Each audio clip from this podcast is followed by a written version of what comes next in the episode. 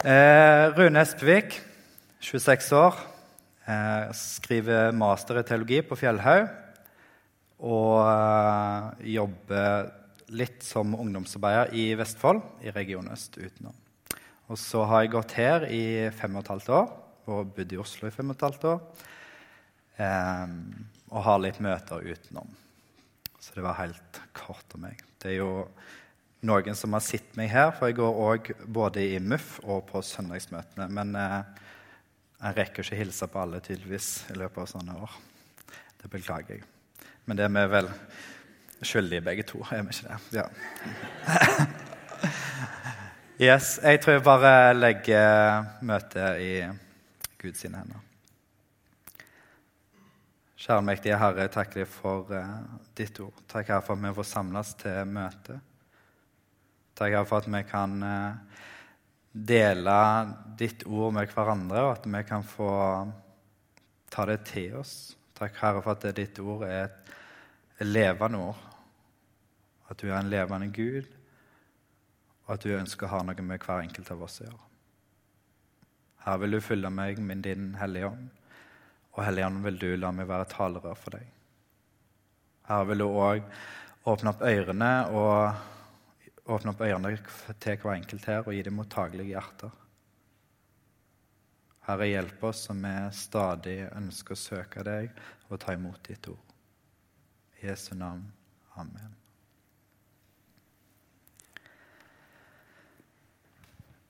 Eh, teksten for i dag står i eh, Markus eh, 16, eh, vers 19-20. Det er to helt korte vers som jeg vil begynne med. Så ble Herren Jesus, etter at han hadde talt dette til dem, tatt opp til himmelen, og han satte seg ved Guds høyre hånd. Men de gikk ut og forkynte overalt. Og Herren virket med og stadfestet ordet ved de, ved de tegnene som fulgte med. Jesus har eh, hunget på korset, og så har han stått opp igjen. Og så har han møtt disiplene og møtt en del andre mennesker. Og så kommer vi til det punktet hvor Jesus stiger opp til himmelen. Han hadde talt om det flere ganger før til disiplene. Og det er her det skjer.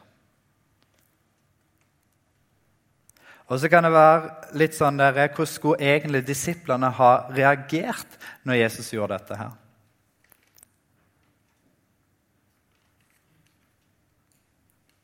Det står i vers 20 men de gikk ut og forkynte overalt. Var det sånn at, det egentlig hadde vært, at det egentlig hadde vært naturlig at de gjorde noe annet, at de reagerte annerledes enn dette her? Og så står, står det 'men'. De gjorde dette. Men de gikk ut og forkynte at Jesus eh, er den han er. De går ut og forkynner evangeliet om Jesus, han som er Guds sønn, han som kom ned til jord, han som tok på seg all straff, all synd, all straff for synd, og så gikk han i døden og tok straffa. Han som tok de synd på seg, som gikk inn i plassen for deg. Han forkynner de om. Han vitner de om.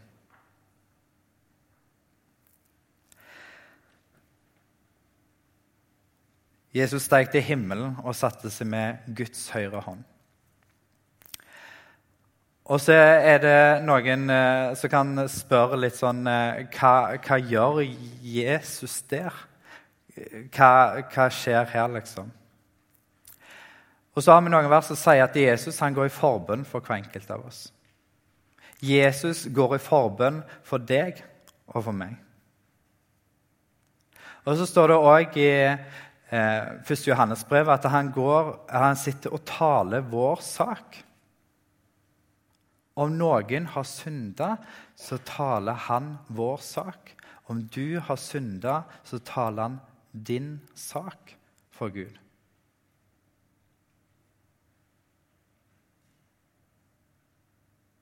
Jeg har dødd og har betalt straffer som han fortjener, eller hun fortjener.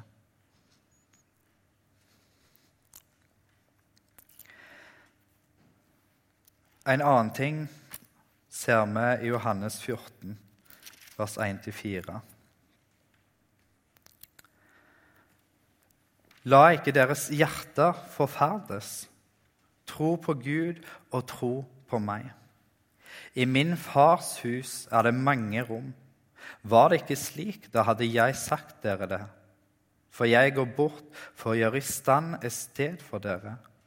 Og når jeg har gått bort og har gjort i stand et sted for dere, kommer jeg igjen og skal ta dere til meg, for at også dere skal være der jeg er. Og dit jeg går, vet dere veien. Jeg går, plassen, jeg går, til min far og lager i stand et rom for nettopp deg, for hver enkelt av dere. Dette sier Jesus til disiplene sine før Kristi himmelfart, før han har dødd på korset. Jeg skal gå og gjøre i stand en plass for nettopp deg. Og der jeg går, der vet du veien.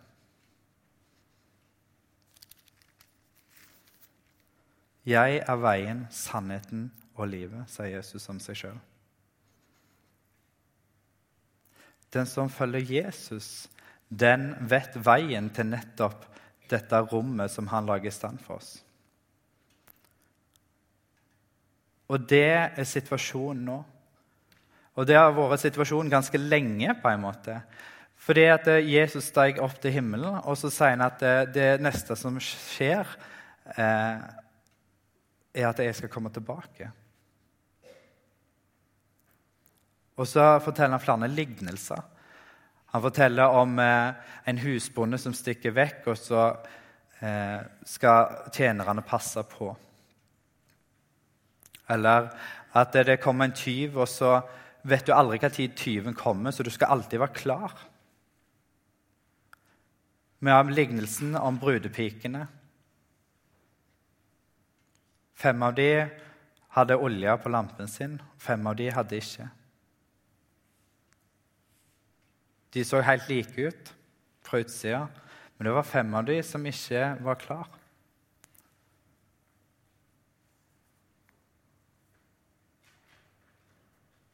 Og det er situasjonen nå. Det er den lange perioden som vi ikke har peiling på hvor lenge vil vare før Jesus kommer tilbake. Og så kan det bli veldig sånn dystert, det kan bli veldig skummelt. Eh, og så kan vi kanskje kjenne på angst, og så sier Jesus eh, la ikke hjertene deres forferdes, eller ikke få angst. Tro på Gud og tro på meg.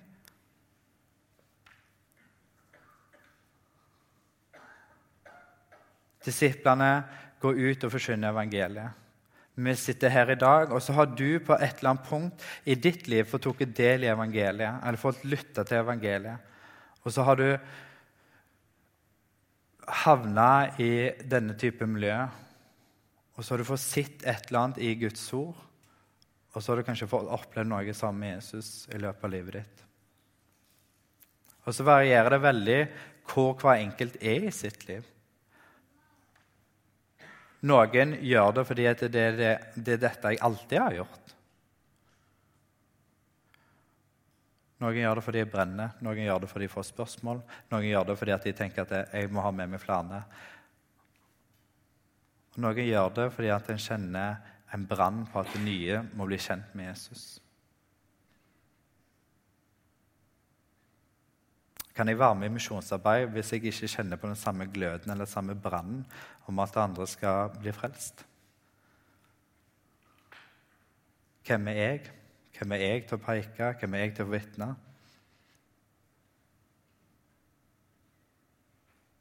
Når vi stopper opp her, så kan vi egentlig begynne å berøre ganske mange forskjellige ting. Og så kan vi løfte både store, fine, hyggelige ting, og så kan vi peke på negative, vanskelige, utfordrende ting. For meg så ble det litt sånn der eh, Jesus steg opp til himmelen og satte seg ved Guds høyre hånd. Men de gikk ut og forkynte evangeliet.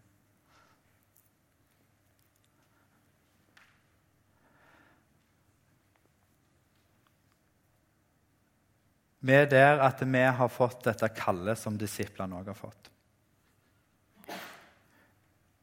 Misjonsbefalingen i Matteusevangeliet, som eh, kanskje er det mest brukte, sier jo 'gå derfor og gjør alle folkeslag' til disipler idet dere døper dem til Faderens og Sønnens og Den hellige ånds navn, og lærer dem å holde alt det jeg har befalt dere.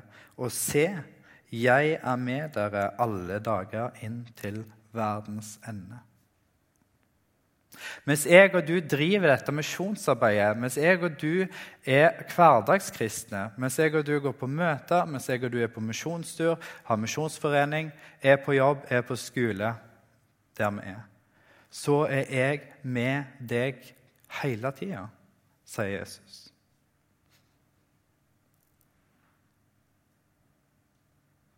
Og Jesus han lister ikke opp noen kriterier her, men han sier dette til hver enkelt som tror på han. Og Da kan du komme med så mange grunner til hvorfor du ikke er egnet som du bare klarer. For Jesu ord til deg står like sagt. Han ønsker å ha noe med deg å gjøre, og han ønsker å gi deg et kall, eller han gir deg et kall om å dele. Og så sier han du skal ikke gå alene. Jeg er med deg hver dag inn til verdens ende.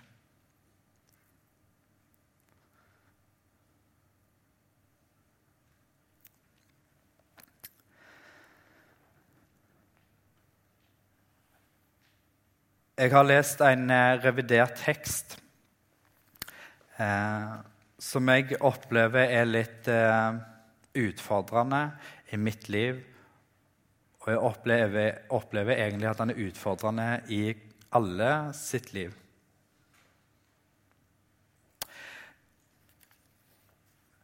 Når vi snakker om, eh, om brødre og søstre på tvers av landegrenser og hele pakka, så kan vi tenke på at eh, vi får innvandrere her som, er, som har flykta, eh, og en del av dem er kristne. Og så har vi noen bibelord som sier noe om at de kristne skal bli forfulgt. Og fra etniske nordmenn så ser vi fryktelig lite av det.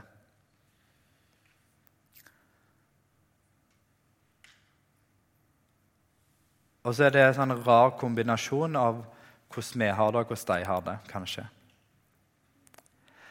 Sis Lewis har satt litt ord på noe av dette her med hvordan hverdagen og vårt kristenliv er for oss. Det er mange år siden han satte ord på det, og han har skrevet det i en bok som heter 'Djevelen dypper pennen'. Og så er det en eh, revidert eh, tekst av den i, i kortere sammenheng. Og dette er litt av den situasjonen som vi er i nå. Har til, Jesus har steget opp til himmelen, og så er vi der vi er. Disiplene har delt evangeliet, vi er kalt til å dele evangeliet. Satan kalte inn til verdenskonferanse. I sin åpningstale til sine engler sa han vi kan ikke forhindre de kristne fra å gå i kirka. Vi kan ikke hindre de i å lese Bibelen eller å kjenne sannheten. Vi kan ikke engang forhindre dem i å beholde sine konservative verdier men vi kan gjøre noe annet. Vi kan forhindre dem fra å utvikle en intim, varig erfaring av Kristus. Hvis de oppnår den forbindelsen med Jesus, vil vår makt være, over dem være brutt. Så la de gå i kirka. La de beholde sine konservative livsstil, men stjel tida deres. Stjel tida deres, så de ikke kan oppnå den erfaringen i Jesus Kristus.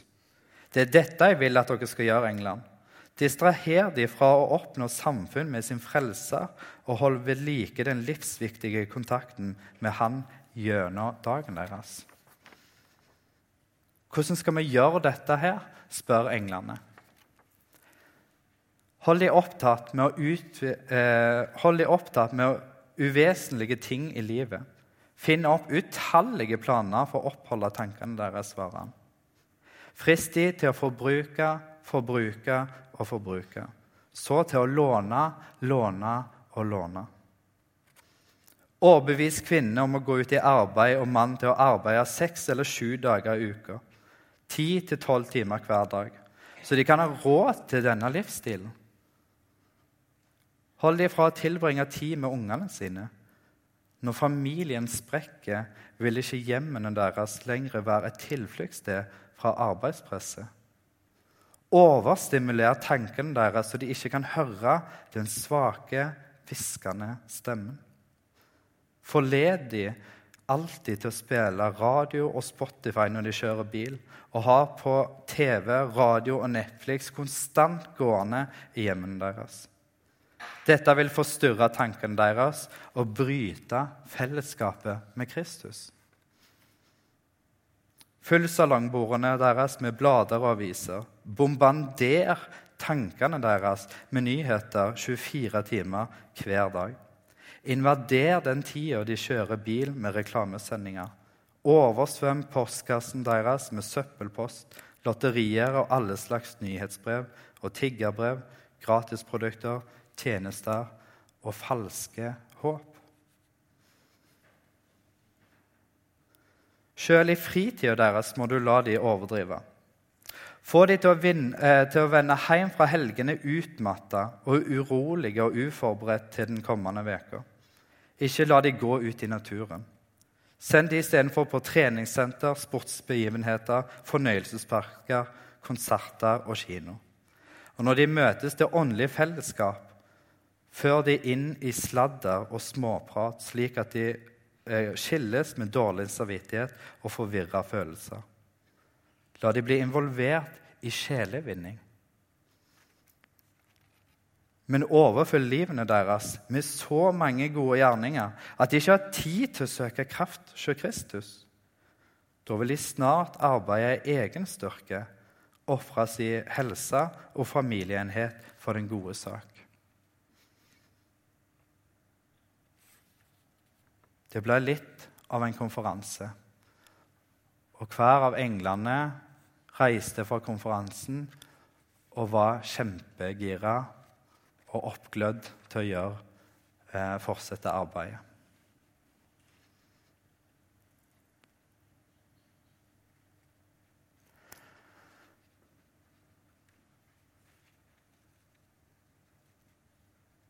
Når en hører det i en sånn sammenheng, så blir det for meg veldig alvorlig.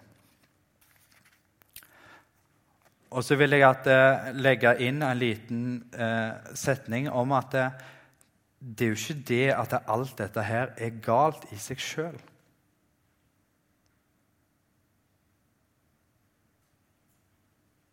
Men at det kan være medvirkende til å ødelegge våre fellesskap, ditt og mitt forhold til Jesus. Johannes 10,10. 10.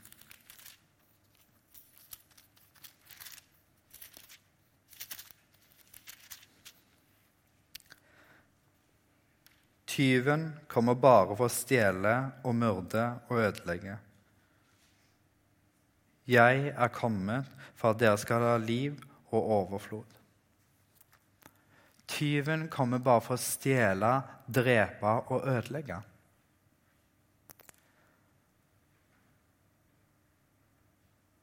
Det er ikke sikkert det ser akkurat sånn ut som denne historien eller fortellingen formidler det. Men Jesus sier at tyven, Satan, han ønsker å komme og stjele, drepe og ødelegge oss. Han ønsker å splitte meg og deg fra Jesus. Til og med i sjelevinning i misjonsarbeid, og er det noe vi kan i NLM, så er det misjon. Til og med misjonsarbeid kan dere gire de så mye på. Men la de bli så engasjert at de slutter å bruke tid med Jesus. At kvelden blir så sein at bibellesninga blir lagt til side. Eller at bønnelivet blir tørt, eller hva det måtte være.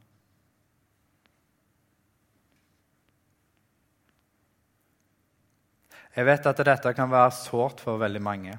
Jeg har mange samtaler med veldig mange, eh, spesielt unge, da, som snakker om dette her med bibellesning og bønneliv. Det er en vanskelig ting.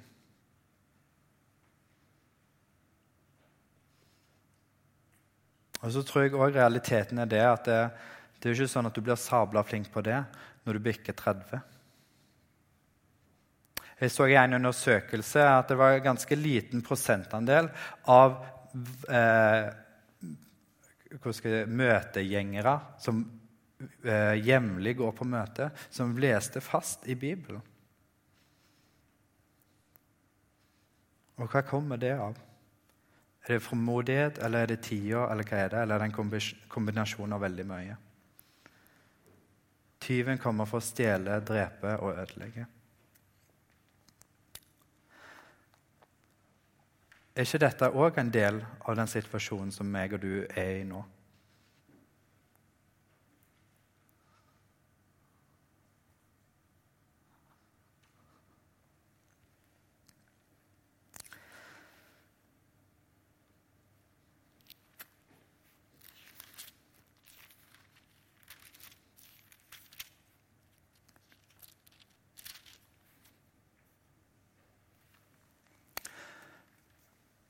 Jeg tror jeg og du trenger å vitne for hverandre. Jesus ga disiplene et kall. Og jeg tror det aller første kallet som han ønsker å gi oss, er at jeg og du skal ha fellesskap med han. 1. Korinterbrev 1,9. Gud er trofast, han som kalte dere til samfunn med sin sønn, Jesus Kristus, vår Herre. Gud er trofast. Han som har kalt meg og deg til fellesskap med Jesus. Han ønsker å ha fellesskap med hver enkelt av oss.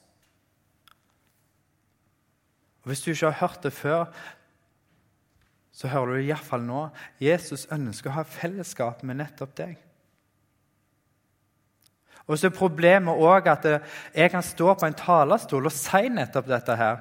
Og så kan jeg havne i en samtale seinere, og så er det mennesker som har vært og hørt på det møtet som jeg har talt på, eller noen andre har talt på, så sier de det. Jesus ønsker å ha fellesskap med deg.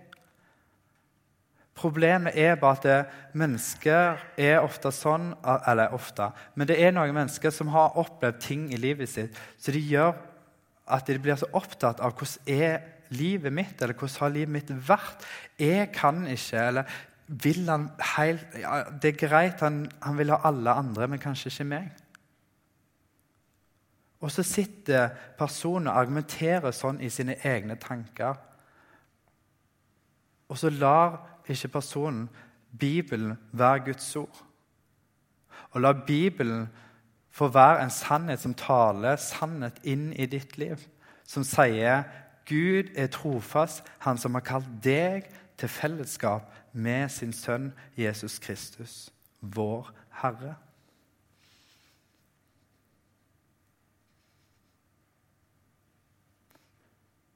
Ordspråkene 4.23 sier det Bevar ditt hjerte framfor alt du bevarer, for livet utgår fra det.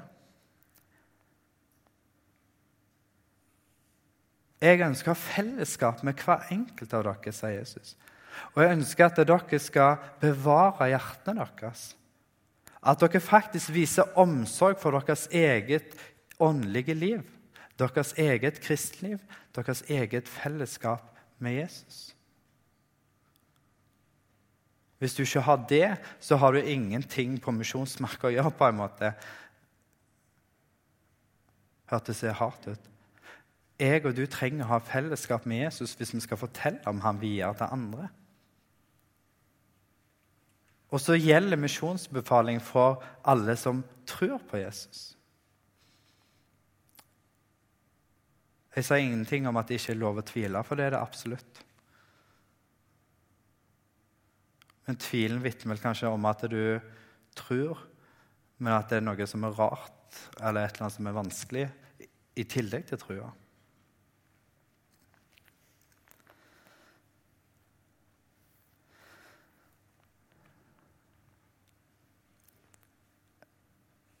Jesus han kommer tilbake. En av de betegnelsene som blir brukt om Jesus, er at han er vårt håp. Han er vårt evige håp. En gang der i framtida, når vi en gang møter døden, så skal vi møte Jesus, og vi skal få komme inn i himmelen. Vi som kjenner Jesus, vi skal få lov å komme inn i det håpet som vi håper på. Og så varierer det hvor reelt det håpet er for oss. Og så er kanskje det håpet mye sterkere når en kjenner på det at det, eh, livets slutt begynner å nærme seg i større grad. Men så er ikke bare det at han er et fremtidig håp. Han er òg et håp for hver enkelt, fordi at han kan sette mennesker i frihet. Han ønsker å sette oss i frihet. Og så er det også sånn at Jesus har sagt at det er ingen som har peiling på når jeg kommer. Og Jesus sier det sjøl. Jeg vet ikke sjøl engang når jeg skal komme tilbake. Det er kun Faderen som vet.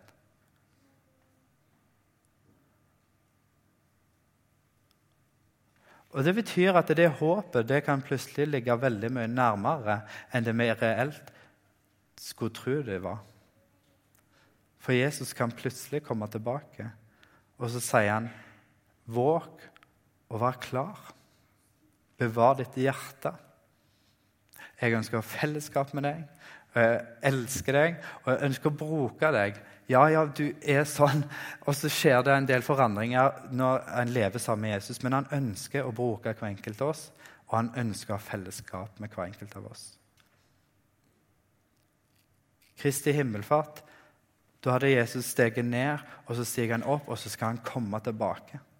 Det er den neste tingen som skjer. Og så har det vært en ganske lang stund, og vi vet ikke hvor lang tid som er igjen.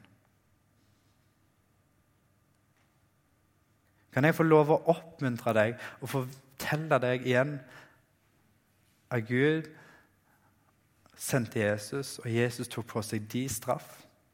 Det som du skylder Gud, det tok han i plassen for deg. Han gikk i døden for deg. Han sto opp igjen og overvant døden. Og så ønsker han å gi deg nåde og tilgivelse. Han ønsker å gi meg og deg nåde og tilgivelse, og så ønsker han å bruke deg i sitt rike. Vi sang Jesus alltid på synderen først. I refrenget der så synger vi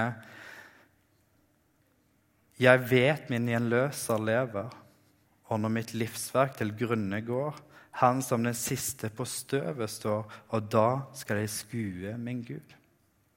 Kan vi få lov å vitne om det? Kan vi få lov å synge det? At jeg vet at min gjenløser lever. Og når alt annet blir støv, når alt annet forgår, så står Jesus der, og så skal jeg og du få lov å se Jesus, skue Jesus. Kjære himmelske Far, jeg vil takke deg for uh, ditt ord. Takke Jesus for at du elsker oss, og at du ønsker fellesskap med oss. Takk Herre for at du ikke har noen punktlister som vi må klare å fylle før du ønsker å bli kjent med oss, men at du ønsker å møte hver enkelt av oss, og du ønsker å gi oss nåde og tilgivelse, Herre. Takk, Herre, for at du òg ønsker å bruke sånne som oss i ditt rike. Du ønsker å bruke oss til å dele evangeliet videre. og Jeg ber Herre, vil du åpne opp det for oss. La ditt ord, la vår relasjon til deg bli en realitet. Og la det være noe vi lever i og vokser i. Her vil du gi oss frimodighet til å gå og dele evangeliet. Om det er til naboer, eller om det er ute, eller hva det måtte være. Så lenge vi deler. Herre, får vi ikke frimodighet, vil du skubbe oss uten. Herre, du ser hver enkelt her, og du ser hvor hver enkelt er i sine liv. Jeg løfter hver enkelt framfor deg og ber om din store, rike velsignelse over hver enkelt. Herre. I Jesu navn. Amen.